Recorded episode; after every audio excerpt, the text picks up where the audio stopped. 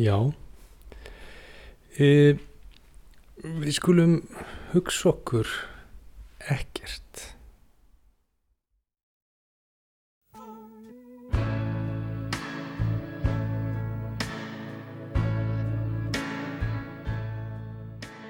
Hvað ef það gerist ekkert þegar við deyjum?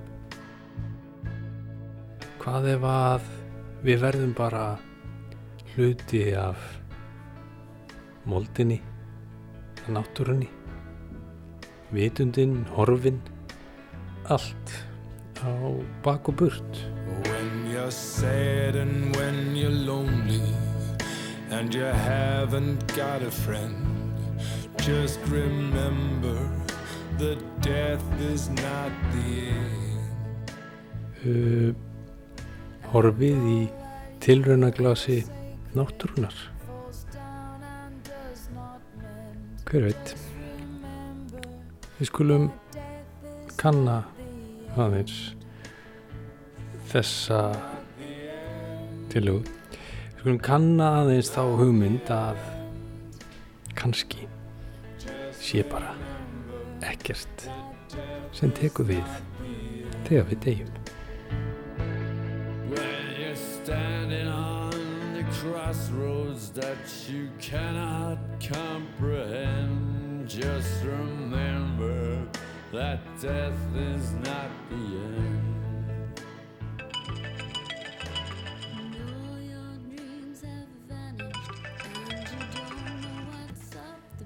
Já, góðan daginn, er það Orni Árnason? Það er hann. Já, það eru trösti heiti, ég er að ringja það frá setti rannsóknum til að það hvort það er möguleikinn til að fá þig til að svara, spyrja að svara einu lögleiku spurningu frá okkur. Já, endilega. Trúir þú að líf eftir dauða? Já. Nú er ég bara ekki alveg 100% viss. Nei, þú voru að segja já, nei, það veit ekki, sko. Já, þá er það ég veit ekki. Já, þá er þetta komið. Takk hjá fyrir. Takk, takk. descends, just remember það út af fyrir sig að fæðast og verða til er alveg stjálfræðilega ólíklegt að gerist. Það er svo ef að einhver uh, einhver bara forverið minn bara á handahófi hefði ekki haft sama maka og hann hafði eða eitthvað að þetta kom upp að hefði ég ekki verið til og líkunar að því að ég verið til er næstu því bara yngar, það er ólíklegra heldur en að vinna í lottói 100.000 sinnum í röð eða eitthvað álíka.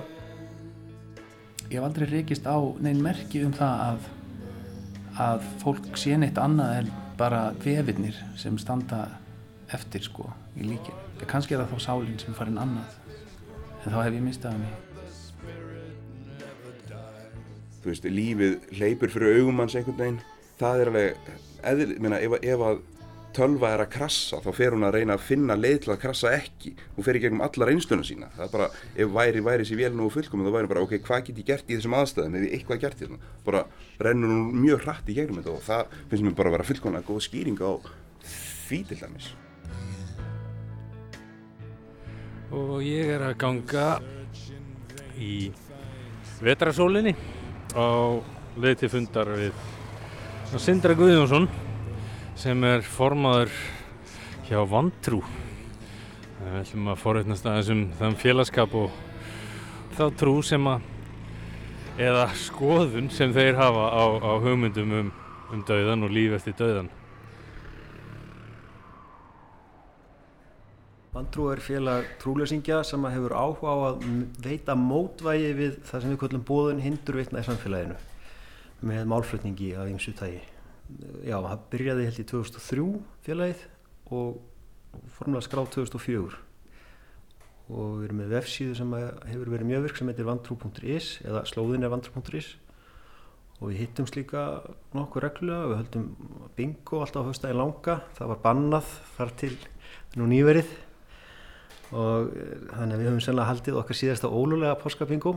Og hérna og, og já, en svona starfseminn er að mestu leiti snúist í, um það að, að reyna að færa rög eða vera mótvægi við uh, trúbóði sem að er í samfélaginu sko. eins og til dæmis það eru sjónvastöðar út af stöðar sem að bóða trú og þannig okkur finnst að það megi verið einhver rauð í samfélaginu sem bóðar trú leysi líka og þannig að það eru við Það eru margir sem tala um að sé svona, og margir sem ég hef talað við í, í þessu ferðalagi uh, margir sem tala um að sé mikilvægt að trúa því að það taki eitthvað við þegar maður deyr og trúa eitthvað aðri mátt og eitthvað svona uh, af hverju eru þið félagskapur um að trúa ekki?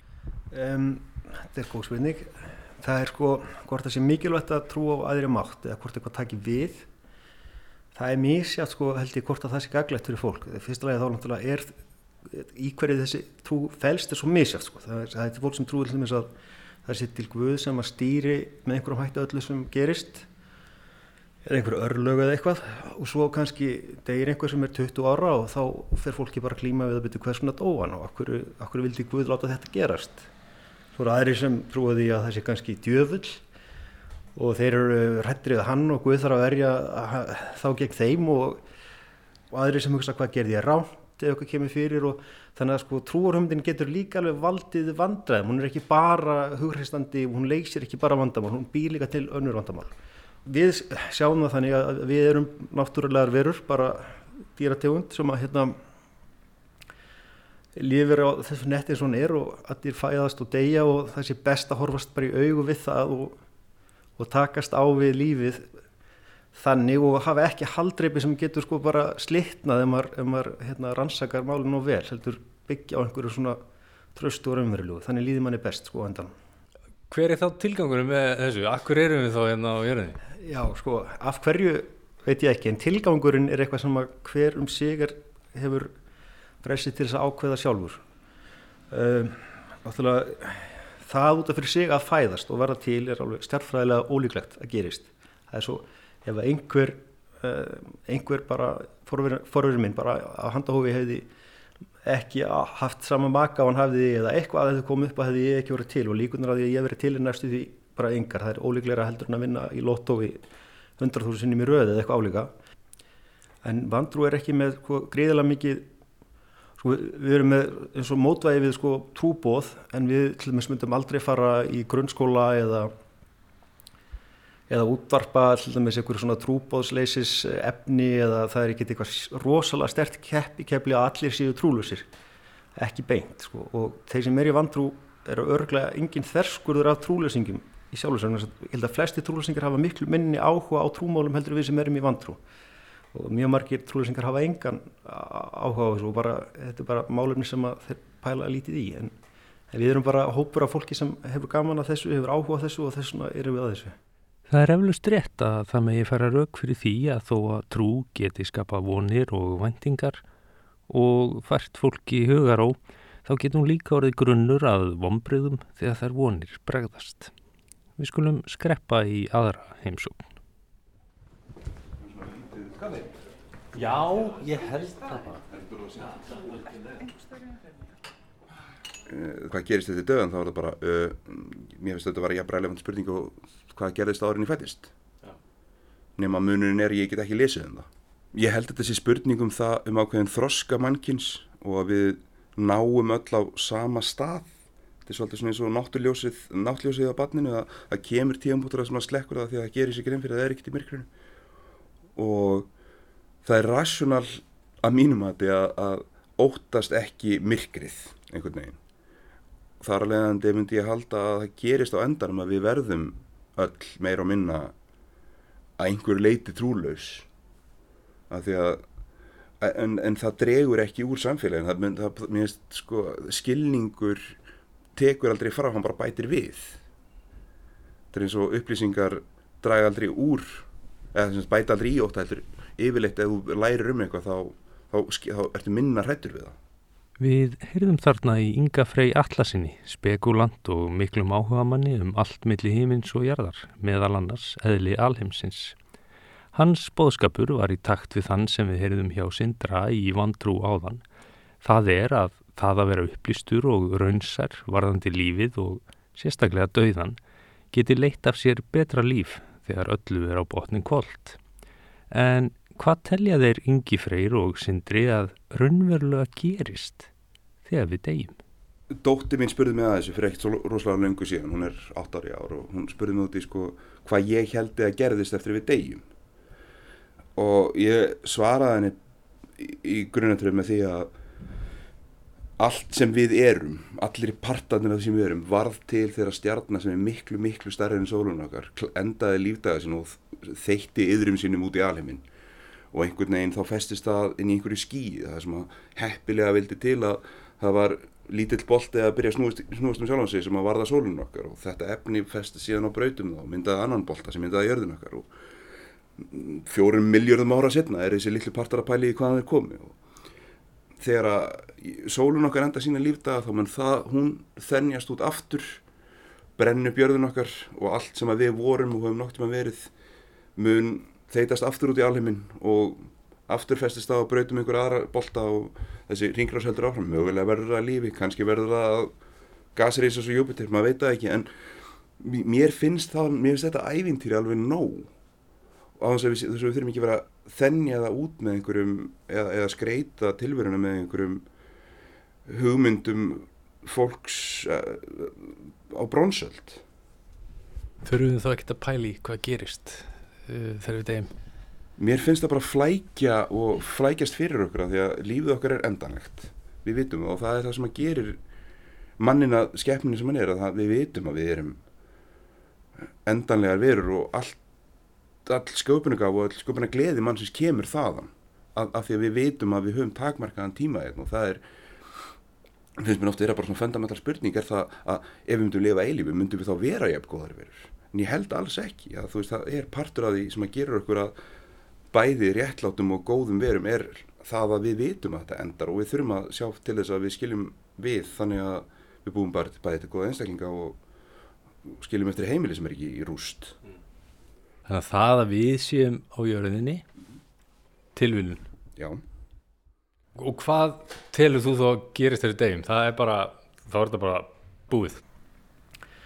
Ég tel að mannveran sé eh, sem að hún er með meðvutund sem er afrakstur starfsemi líffarana. Það er út á heilanum sem að ég hef ákveðna skoðanir og mér líður á með ákveðnum hætti og svo framvegis. Og maður sér til dæmis þegar að maður verður fyrir til dæmis heilaskaða, til dæmis fólk sem verður fyrir framheilaskaða, það missir samkend til dæmis. Þannig að það finnst mér sína sko persónleiki fólks og, og hver maður er og hver maður upplifir sig að það sé afrakstur af þessu, starfsemi líffarina bara og þegar þau hætt að starfa þá hættum við einfallega bara að, að vera til, við hættum meðvitundin þú verður ekki lengur til.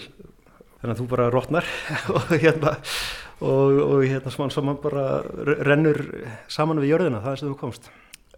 Við erum til og þá höfum við tækifæri til að upplifa heiminn og, og hérna og við getum hérna ákveðið sjálf hvað við viljum fá út úr þeirri tilvist og og hún þarf ekki að vera sko, til einskipst þó hún sé ekki endalus alveg svo hérna ef ég vinn í lottó þá, þá þarf ekki þá þarf ekki endalega að fara að grenja yfir því að hafa ekki unnið alla peningan í heiminum þá hefur bara fengið 5 miljónir, eitthvað svo leiðis þannig að það er svona svolítið þannig sem að við hugsum held ég flest sem erum dúlus að, hérna, að þetta er það sem við fáum og, og, og, og þá erum að gera bara að njóta þess sem hægt er að njóta Sagði Sindri og brosti kankvís. Gott og vel. En þetta eru svo sem enn sem komið er bara skoðanir þó vissulega séu þar studdar ákveðnum rökum. En hvað segja læknavísindin? Fræðin sem fjalla meira og minna um lífslöpið okkar út frá líffræðilegu sjónaróðni. Í fyrsta þættinum talaði ég við útfarastjóra og prest.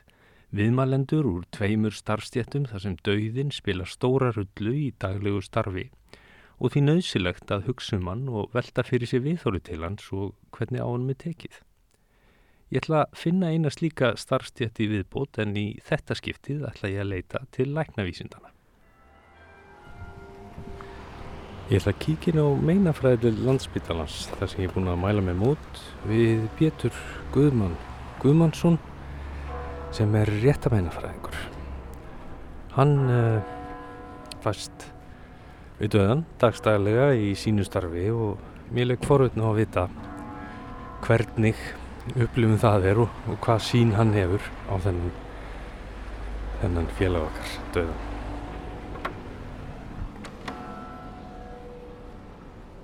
Það sem ég merki þegar að hérna, maður er að, er, er að tala við fólk sem er stendur fyrir utan þennan bransa að þá er það þetta sko að þá fatta ég kannski hvað ég er búin að gera þetta af hverstaslegum hlut. Og, og, þessna, og fólk tala um dauðan sko og en, en það sem ég vinn með er, er fólk sem er ekki lífandi. Eh, þannig að dauðin sjálfur er svo sem ekki neins sko fígúra í, í minni tilveru svoleiðis. Og eh, heldur eru bara viðföngin sem ég starfa með eru sennilega bara fólk sko í, í bara öðrum fasa en, en almenni maður Já. Ég skil. En, en hvað svona þegar við deyjum út frá bara líffræðilegu, lífælisfræðilegu sjónarhotni, hvað er það sem gerist? Já, þetta er svona bæði flóki og einfalt sko. Það er náttúrulega sko hægt að svara sér þannig að, að uh, svona um, svona yfirbóðslega séð að þá tala maður um lífsnausileg líffæra kerfi til dæmis, til dæmis miðtöðakerfi, er að segja heilin og mænan. Og síðan erstu með blóðrásakerfið og þessi kerfi þar, þau þurfa að vera í gangi til að sko sé að hægt að kalla að sko lífi starfi. Svo er kannski önnur uh, líffærakerfi eða undir þetta geta lungun og öndunarkerfi að sjálfsög falli líka. En svo kannski önnur kerfi eins og þvagkerfið og yngirslakerfi eru kerfi sem geta bilað á þess að kannski degir undir eins. Þannig að sko þetta er auðvitað eins og kannski fólk gerir sér grein fyrir er náttúrulega líka um starf sem er greiðlega flókin og mikið samspil. En það sem er forsenda þess að geta talist dáin er það að þessi lífsnausilegu störf, þar að segja blóðrás og, og svona líkilþáttur í blóðrásinu hjartslátturinn og dælustarf hjartans og viðtöðkerfi að þau séu hægt að starfa en síðan eru við með lagalegu skilgringuna eða sko þessa hvað ég að kalla það, svona formlega skilgringuna ádauða, það er hreinlega þegar að miðtöðkerfi er hægt að starfa og það er hérna óaftur kræft starfið þar. En þá má hjarta starfa áfram. Og þetta er til dæmis forsendur fyrir því að maður getur tekið líffær úr fólki og gefið öðrum og svona.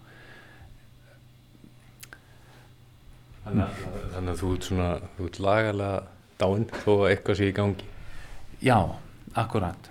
Þannig að sko það, og það felst í þessu að, að sko skilgreiningar eru svolítið erfiðar í þessu sko. Og e, þannig að sko að að þetta á sér stað í, í, á, í hérna svona forminu í lögum og svo framvegis og það er að skaplega formlegt atriði að deyja og, og yfirgefa tilveruna sem manneskja sko, bæ, sko og bara í, í, í hreinum praktískum skilningi. Þú getur ekki átt, þú getur ekki notið mannréttinda eða átt eignir eða neitt sko. Og þess vegna höfum við þessar ströngu skilgreiningar að því að, að því að lög og formleitt eru alltaf að seilast inn í þetta.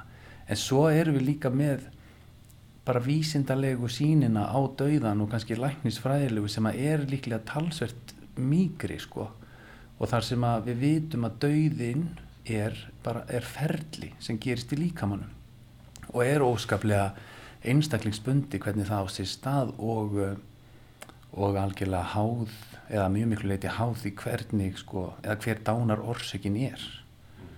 Og þetta tala ég um sem dánarferlið og það er fjallað um það til dæmis oft í, í, í réttar meinafræðinni og, og það það maður ofta að leggja eh, eða gera útlagningar á því í, í sérstökum dæmis sem maður er að rannsaka. Hvernig döðin hefur borið að og hvernig dánarferlið hefur verið Já, ég skil, þannig að þetta er ekki, þetta er ekki einföld, einfalda spurningar, en, en hérna, en hvað með, um, það er oft talað um sálina og hérna, margir sem ég hef rætt við um sálina og svona, e, vísindin, útiloka þau, útiloka þau sálina og, og, og að, að, að það sé eitthvað sem að taki við eftir döðan eða hvernig, hvernig horfið það er? Já, sko, stuttasvari við þessu er nei, vísindin útiloka ekki tilvist sálarinnar. Þau gera það svo sannlega ekki og, og enda er það afskaplega óvísindalegt að útiloka nokkuð skapaðan hlut en, en e, fyrirbæri er held ég ekki mikið rannsaka vísindalega og það er ekki tekið inn í, inn í, í vísindalegan veruleika sem breyta eða sem neitt líkil, aðili þegar maður er að rannsaka til dæmis döðsföll eða, eða manneskjuna yfir höfu út frá læknisfræðlu sjónarhóli. Er það út af því að okkur finnst þetta ólíklegt? Ég held að, já, vísinda, já, ég held að vísindarlega sínin á sálina sé e, svo að það er allavega erfitt að nálgast fyrirbæri, nálgast spurninguna og þannig verður hún vísindilega erfið og óþægileg og, og eiginlega ómöguleg sko. Og um, svoleiðs hlutir eru alltaf svona, já, undir orðnir ákveðnum svona efa, vísindilegum efa Já, það virðist vera ákveðnum vandkvæðum bundið fyrir vísindin að nálgast spurninguna um sálina og við heyrðum Pétur Guðmann tala þarna um vísindalegan Eva. Við skulum heyra hvað hinni viðmælundum mínir, þeir Sindri og Ingi Freyr, höfðu að segja þegar ég spurði þá um sannanir fyrir þeirra skoðunum á mögulegu lífi eftir döðan. Sko, ég, ég spyr alltaf, það er vísindalega sannanir og allt það. Þú veit vantalega um einhverju svoleiðsir með það ekki? Hvað sér, vísindilega sannarir? fyrir því að, að, að þetta sé allt, þetta líf Já, það nú held ég ekki að hætta að sanna það sko, þegar það er að segja e, það, það er ekki, ég get ekki til með sannað að það sé engin guð til ég er bara mér finnst það alveg gríðalega ólíklegt en, en sko og tú- orðið trúleysingi eða orðið atheist, þýðir bara svo sem er án guðs. Ég trú ekki neitt tildingin guð, ég á engan guð ég hef engan guð. Ég hef enga sérstaklega ástæð til að halda hans ég til. E, en það er ekki eitthvað sem ég get vísindilega sannað og hérna eða vitað. Þannig að svona strángtiltekið að þá eru trúlýsingjar líka agnostik það er sem sagt þeir saman, það er ekki anstæða endilega. Mér finnst bara allt benda til þess að heimurinn sé guðlaus. Til dæmis ef einhver 99,9999 endalest mörg 9% af heiminum er óbyggilegur. Eina plánunda sem við vitum um sem er byggileg er þannig að hún er frjósumust sko, við flekaskil þar sem að verða hérna, eldgós og, og, og, og flóð og þetta er svona einhvern veginn eins og heimur sem að enginn hefði búið til. Þa, þannig, þannig, þannig sé ég hann og hérna, þessna teljum við að það sé ekki til eitt guð. En, en það hvort að einhver guð sem til er, er einspurningin síðan er sko er ég persónulega og allir ég vantrú og svo framvegis alveg vissur um að guð biblíunar eða kóransins eða eitthvað svolítið, hann er alveg öruglega ekki til.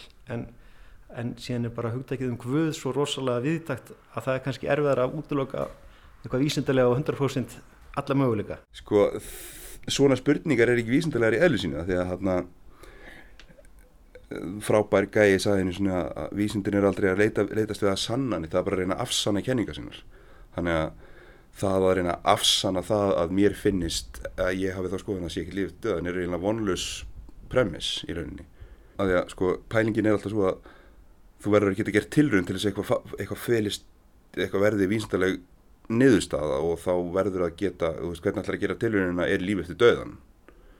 Þetta er svona já, þetta er orðið svona heimsbyggileg spurning fyrir eitthvað annað og þú veist, þarna held ég að skilja alltaf við vísindi og heimsbyggi að við vitum það ekki og það er kannski bara allt í lægi Það er nefnilega ekki hlaupið að því að sanna það að eitthvað sé ekki til. Rifjum aðeins upp hverju hún unnur teits miðill svaraði mér í síðasta þætti þegar ég spurði hana hvort hún heldi að einhver tíman er þið hægt að færa sönnur á tilvist framhaldslífs sálarinnar. Ég býð ennþá eftir þeirri tækni. Ég væri, ég hef sjálf verið mjög forvitin um hvort það sé hægt. Þetta væri það áhugavert að skoða hvað gerist og ég held að enginn er þið eða einhver er þið meira gladari með það að það var hægt að staðfest þetta heldur en þeir sem starfa við þetta því að, því að þetta er ekkit endilega starfsvettvangur sem maður auglýsir mjög mikið. En, en hérna ég vona það að verða einhver tíman hægt að sanna það að sé hægt Það eru greinileg ekki bara hinn beinhörðu raunvísindi sem er í leita sönnunum og heilt yfir virðist bara vera ansi mikill skortur á sönnunum í kringum blessaðan döðan. En hvað segja viðmælendur okkar í þessum þætti þá um þann fjölda lífsreynslu sagna sem blasa við okkur svo víða og verða styðja kenninguna um líf eftir döðan? Við skulum byrja því að kíkja aftur á Pétur Guðmann upp á landsbytala. En hvað með hluti eins og, nú hef ég aðeins hérna, kynnt mig líka í þessu ferli, hluti eins og, eins og sínir og nær dauða upplifanir og, og annað slíkt. Eh, eru, eru vísindarlegar skýringar á öllum þessu hlutum? Uh, ég, fyrir mína parta ég, ég trúi því mjög mjög tæplega að það sé nokkuð annað, en, annað til staðar en það sem við getum séð sko, eða mælt. En ég er svo sem alveg opinn fyrir því að, að fólk hérna, sýnir fram annað með, með samfærandi hætti. En uh, maður kannski fer aðeins undan í flæmingi. Maður vil bæði vera svona vísindarlegur og, og opinn en samt sko er það líka þannig sko að, að já, það er mikill evi gangvart, gangvart svona hluti sem eru óaþreifanlegir og það er gríðarlega mikill evi bæði á vísindan og hjá mér sjálfum sko. Einu sinni það var það þannig að þegar fólk upplifið svona vöku martraðir það, svona svefnlömun einhver sat á bringuna að það væri þá nortnir heima hjá þeim. En þú veist ef þú ert rasunal manneskja og hefur lend í þessu þá veistu einhvern veginn að þetta er heilin í þér að þú veist berjast við það að vera vakandi og sofandi á sama tíma. Þú veist þetta er, gerist í kvíða ástandi og þú veist maður getur ekki ímyndað sér hversu kví- kvíðið maður kvíðið fólk hefur verið á miðöldum bara næ ég fæ ég að borða í næstu viku. Ups það er nortin í herbygginu mínu. Þetta er svona þetta er allt sem bara svona þetta tengist allt því að heilin á okkur er að reyna að make a sense út úr heiminum eins og, eins og við skiljum hana því að við erum ekki búin til þess að búa í samfélagi. Við erum uh, slettudýr sem eru í bestafalli alætur í bestafalli bráð og allt sem að öll viðbröð og allt sem við gerum eru, eru baserað og byggir út eða sem er byggir á þeim raunveruleika að við séum þannig skeppnur og svo þú veist ég menna ég ljósi þess líka bara heilin í ykkur er rosalegt síndarveruleika tæki sem að eins og þú veist ég er að horfa á þinn núna beint og ég veit að svona ég veit ekki hvað 90 gráður að því sem ég er að sjá hérna er heilin að mér að skálda í gött af því hann veit cirka bát hvað er í kringum mig og hann er svona búa til litla patsis af upplýsingum en allir kringum hausuna okkur. Og þegar kemur að einhverjum svona næri döðu en lífi upplifunum þá er það sko bæði það að allir sem hafa einhvers tíman þú veist annarkvæmst drótast eða, eða þú veist lendi í einhvers konar smá súruniskorti það viti að þú fær svona flass svona bloss, þá það, það eru göngin og þetta þegar þú veist lífið hleypur fyrir augumanns einhvern veginn það er alveg eðl, meina, ef, ef að tölva er að krassa þá fer hún að reyna að finna leið til að krassa ekki. Hún fer í gegnum alla reynsluna sína. Það er bara, ef væri, væri sér vel nú fullkomið þá væri bara, ok, hvað get ég gert í þessum aðstæðum? Ef ég eitthvað gert í þessum, bara rennur hún mjög hratt í gegnum þetta og það finnst mér bara að vera fullkomlega góð skýring á því til dæmis. Nú, nú hef við líka talað um margt fólk sem, sem talar um svona nær dauða upplifanir, mm. við getum orðað, orðað svo. E, jafnvel út fyrir líkamann einhverjar eh, reynslur og, og, og, og, og tala við fólk úr öðrum heimum og svo framvegis. E, hvernig útskýri þið þessar sögur? Já, ég las eins og bóks eftir Stephen Pinker sem er uh, hérna, tauga enda sérfræðingur frá Harvard og hún heitir The Blank Slate. Og það er uh, fællar hann meðal hans um það að þessi hægt að gera svona í rannsóknarstofu þar er að láta fólk upplifa sig vera utan líkamanns og það voru bandarskir hermenn sem að voru tilrunadýrin í þessari rannsókn. Og þetta er einfallega bara eh, einhver afleðing af sko starfsemi heilans undir einhver panik ástandi myndi ég halda. Ég las einhver staðar að það væri líka partar heilan sem, sem að hérna, halda áfram að fungera Já, ég hef lesið það líka. Í einhvern smá tíma ég man ekki kannski klukkutíma eða 15 mínútur eða hvað það er að þá eru einhverjar ein, einhver hlutar heilans ennþá virkir og, og það er kannski einhver upplifun. Já, vísindin hafa ímsa skýringar á reyðum höndum þegar kemur að yfir skilvillegum upplifunum og víst er að margar þeirra eiga við raukastiðjast en aðrar síður. Nær dauða upplifanir eða near death experiences er þegar manneskja deyr en er vakin aftur til lífsins. Heimsbyggingurinn og sálfræðingurinn Raymond Moody setti hugtakið fyrstu fram árið 1975 í bóksinni Life After Life. Hann rannsakaði þar sögur 50 manneskja sem höfðu orðið fyrir næri dauða upplifunum og komst að því að flestir lístu mjög svipuðum upplifun. Það var bjart ljós, tilfinning eins og viðkomandi væri laus frá líkamannum, hlýja og örgistilfinning, auk þess sem algengt var að menn hittu fyrir andlegar verur eins og engla. Vegna þess hversu samljóma sögurnar voru, álíktaði múti að framhaldslíf væri nánast öruglega staðrind. Síðan þetta var hefur heilastarfsemi á dauðastund verið talsveit mikið rannsókuð og þó það rannsóknir bendi til óvenjulegra líffræðilegar starfsemi þá er enginn þeirra fært fram sönnun á framhaldslífi. Ein áhugaverð kenning sem sett hefur verið fram varðandi dauðastundina og nær dauða upplifanir tengist ofskinnunarlefinu DMT sem svipar til LSD og fyrirfinnst í ýmsum plöntum auk þess sem hægt er að framleiða það á tilurnastofu. Kenningin er svo að DMT sé framleitt af heilakönglinum þegar við sofum og að það sé efnið sem framkalli drauma. Aðrir haldaði fram að líka minn framleiði það líka eða einungis við fæðingu og dauða og það sé þar með ábyrgt fyrir þeim dulafullu nær dauða upplifunum sem við heyrum svo gjarnan um.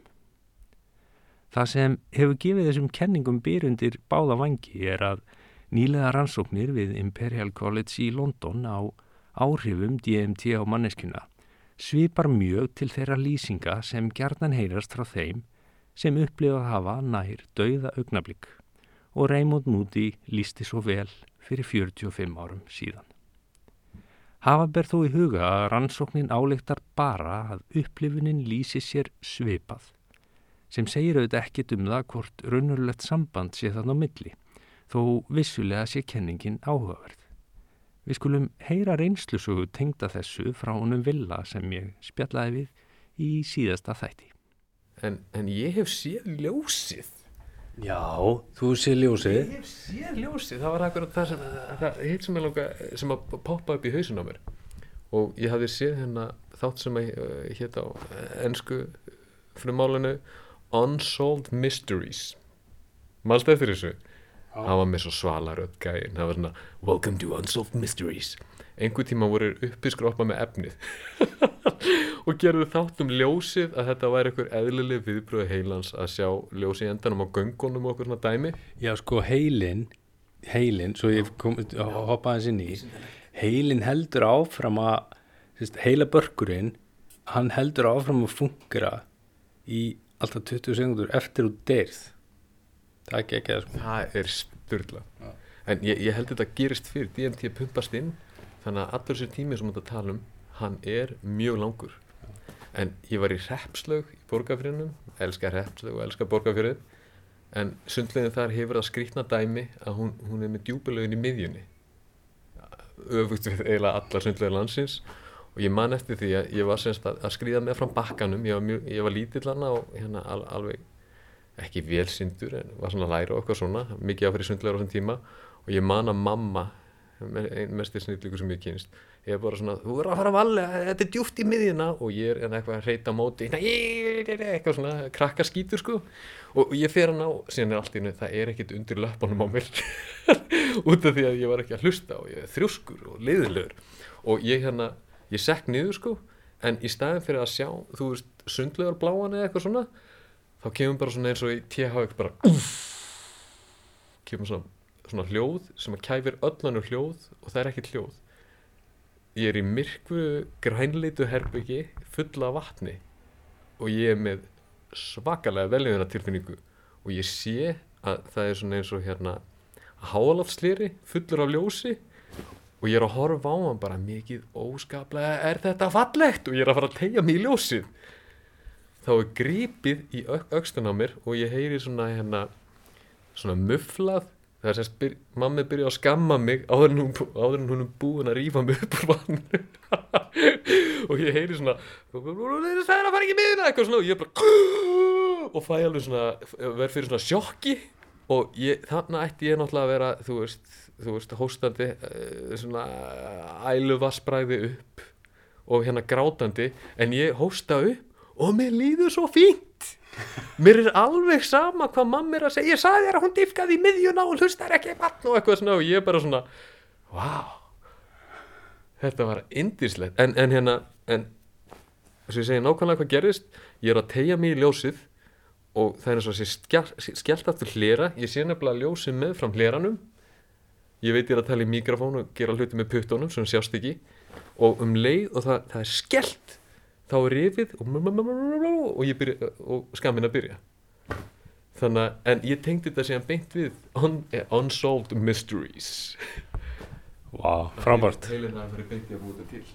Öruglega ímsir sem tengja að einhverju leiti við þessa frásögn sem rýmar vel við sögur fólks með svipaða reynslu. En talandum reynslu af dauðanum þá er Pétur Guðmann rétt að meina fræðingu líklega sá viðmælandi í þessum þætti sem hefur mesta reynslu af honum. Hvaða áhrif skildi sústaðarend hafa fólk í kringum hann? Er fólk feimið við að tala um dauðan eða, eða, eða sko það sem þú gerir spyrjaði úti og svo verið Já, já, hérna þetta er svolítið hérna, áhugaverð pæling ég, sko, sumir spurja mig svolítið út í starfið og finnst þetta áhugavert það er frekar algjörn, þá kannski sérstaklega við um bara uh, aðra lækna reynlega, lækna nema og unglækna og svona sem eru svolítið spendir og uh, síðan er þykist ég vita að það séu mjög margir sem að, sem að nefna það ekki neitt sko og bara vilja ekkert kannski og vilja ekkert spurja og vilja kannski ekkert af þessu vita sko og ég held að það, held að það sé ákveðin, ákveðin hópur sem að, sem að hefur það ástöðu og ég, og ég held að það sé mjög eðlilegt Heldur þetta sé kynnslóðamál? Finn, finnur þetta meira, finnst þér, finnst þér yngra fólk vera opnara fyrir að ræðum þetta? Já, ég, nei, ég merki það ekki beinlýnis Uh, ek, nei, hreinlega ekki ég, ég held að það sé ennþá alveg talsvert sko svona eins og kannski hefur stundu verið talað um eitthvað tabú yfir dauðanum eitthvað þannig. Og það er held ég ekkert á undanhaldi endilega. Nei, einhver, einhver nefndi og ég er búin að segja oft, oftar hérna áður að einhver nefndi sko strax í fyrsta þetta að það væri búið að stopna hann af að döðan svo mikið. Það getur verið ástæðan fyrir að okkur þetta er óþægilegt að tala við hann og, og, og, og díla við hann.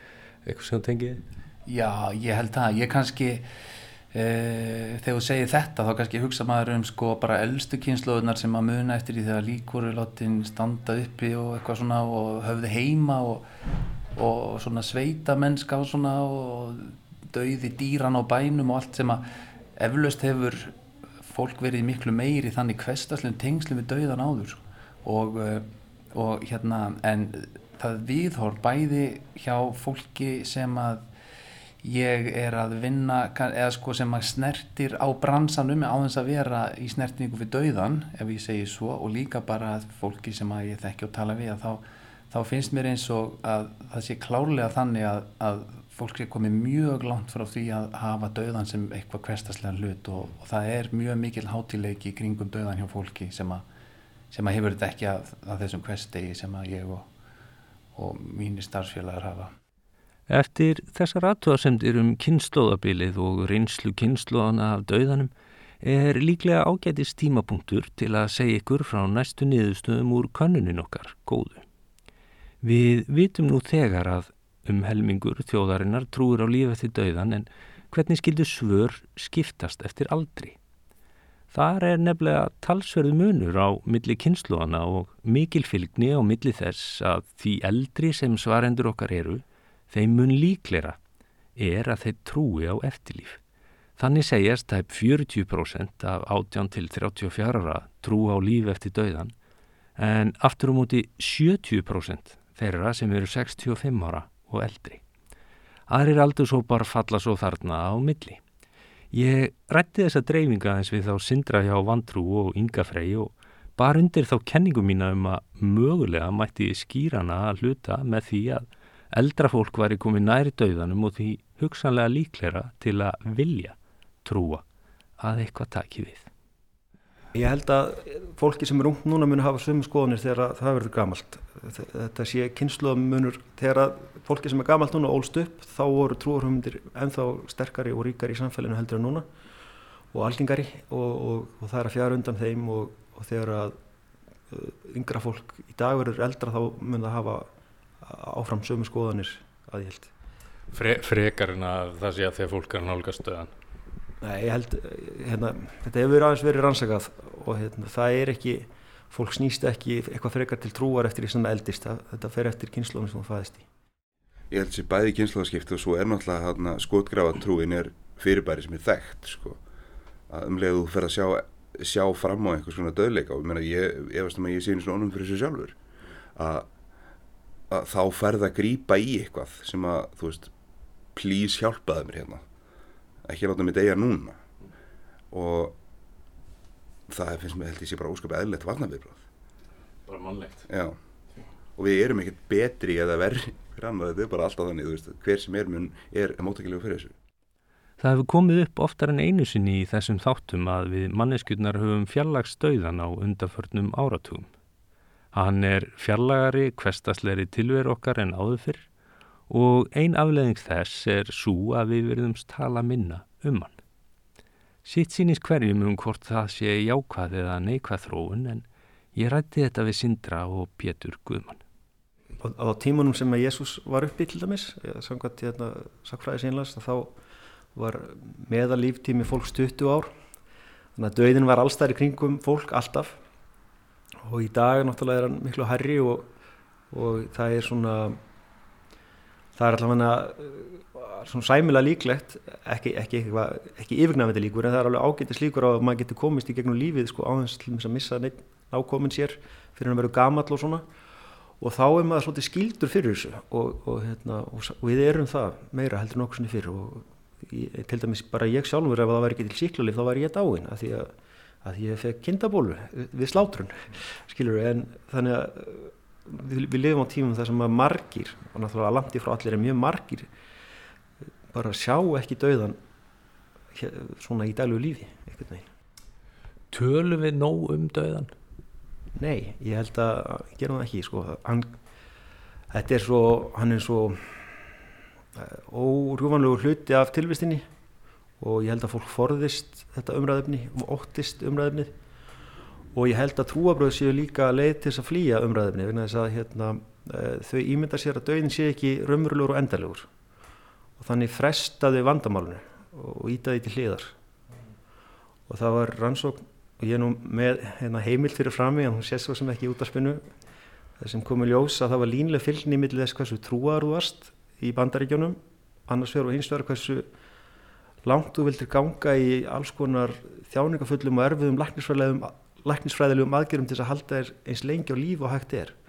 Og það er svolítið merkilegt e, í ljósi þess að, að, að það var tengst með þess að trú og líf eftir döðan og reyna að halda þetta líf svona alveg eins lengi og hægt er. Og ég held að sé vegna þess að sumt að þessu fólki hafi ekki verið búin að gera upp við döðan af því að það hef, hefði talið sér trúum það alla tíð að hann væri ekki endalögur og svo þegar hann blasti við að þá var það ekki eins tilbúið. Það er svona mín tilgata Ég veit það ekki sko.